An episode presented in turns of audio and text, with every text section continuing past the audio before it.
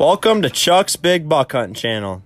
Today I will be talking about what to expect when hunting late season whitetail deer in Minnesota and how you can up, up your chances in, in succeeding later in the season.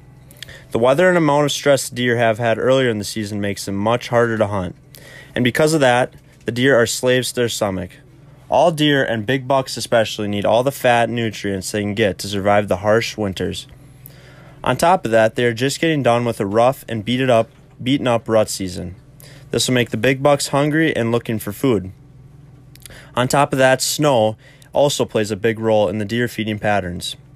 Having a variety of different food plots can help a lot. When there is a lot of snow, food like brassicas, corn, and dried soybeans can be very beneficial because of the easier access when there's snow. Although when there's no snow or under a couple inches, the deer may feed more on acorns or cereals that may have access that they may have access to in the heavier, heavier wooded areas because they like more co- cover when it is colder and later in the season. On top of that, timing is everything in the late season hunting. Late season deer have been hunted many times now throughout the season and are known to be more skittish and almost smarter. And because of this, it is better to plan a few well timed hunts for that target buck you're after instead of just hunting an area over and over waiting for him. When choosing the right time to hunt, the weather is the most important factor. Cold fronts, snow, and high barometric pressure are all things that trigger the deer movement.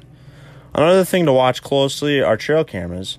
When you start to get daylight pictures of that buck you're after, that is a sign that it is time to get in the stand. Another good thing to look for when you're out late season hunting is to look for the muzzleloader season because a good way to up your chances in the late season is to swap out your bow for a muzzleloader during the season. The longer range and accuracy is a great way to make sure that target buck goes down when the chance comes. Now I will be interviewing Callan Miller with his success and how he hunts late season whitetail deer. All right, Callan. What is your go to source of food to hunt over during the late season? Well, personally, I like to hunt over uh, cornfields at our hunting place. We have a seven acre cornfield that runs along our driveway, and it brings in a lot of deer, especially in the late season when it gets cold and the snow comes. I like to hunt the cornfield right after it snows, like the if it snows that night I'll like to hunt in that next morning. It always seems to produce a lot of deer. I'll see probably 10 to 20 if it snows the night before. But with checking my trail cams, the deer tend to use the cornfield a lot at night, so you're going to see them either really early in the morning or really right at last light during the nighttime. All right, well, have all day sits brought you any success in the later part of the season?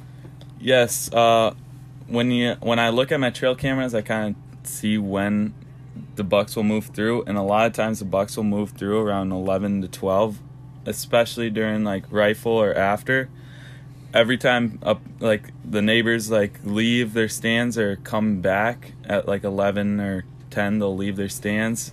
They'll push a lot of those big bucks and get them up and moving. And that's when you really want to be in your stand. You want to be the last one.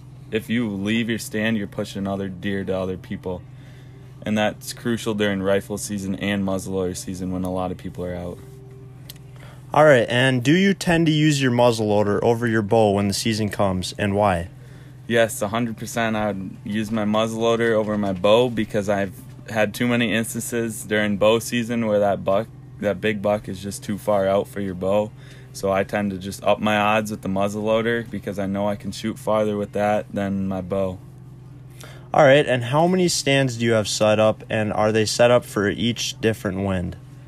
I have a lot of stands set up. I have about 17 stands, and for late season, I have three stands set up on our cornfield. So no matter what wind we have, I can sit on the cornfield and watch the deer come in.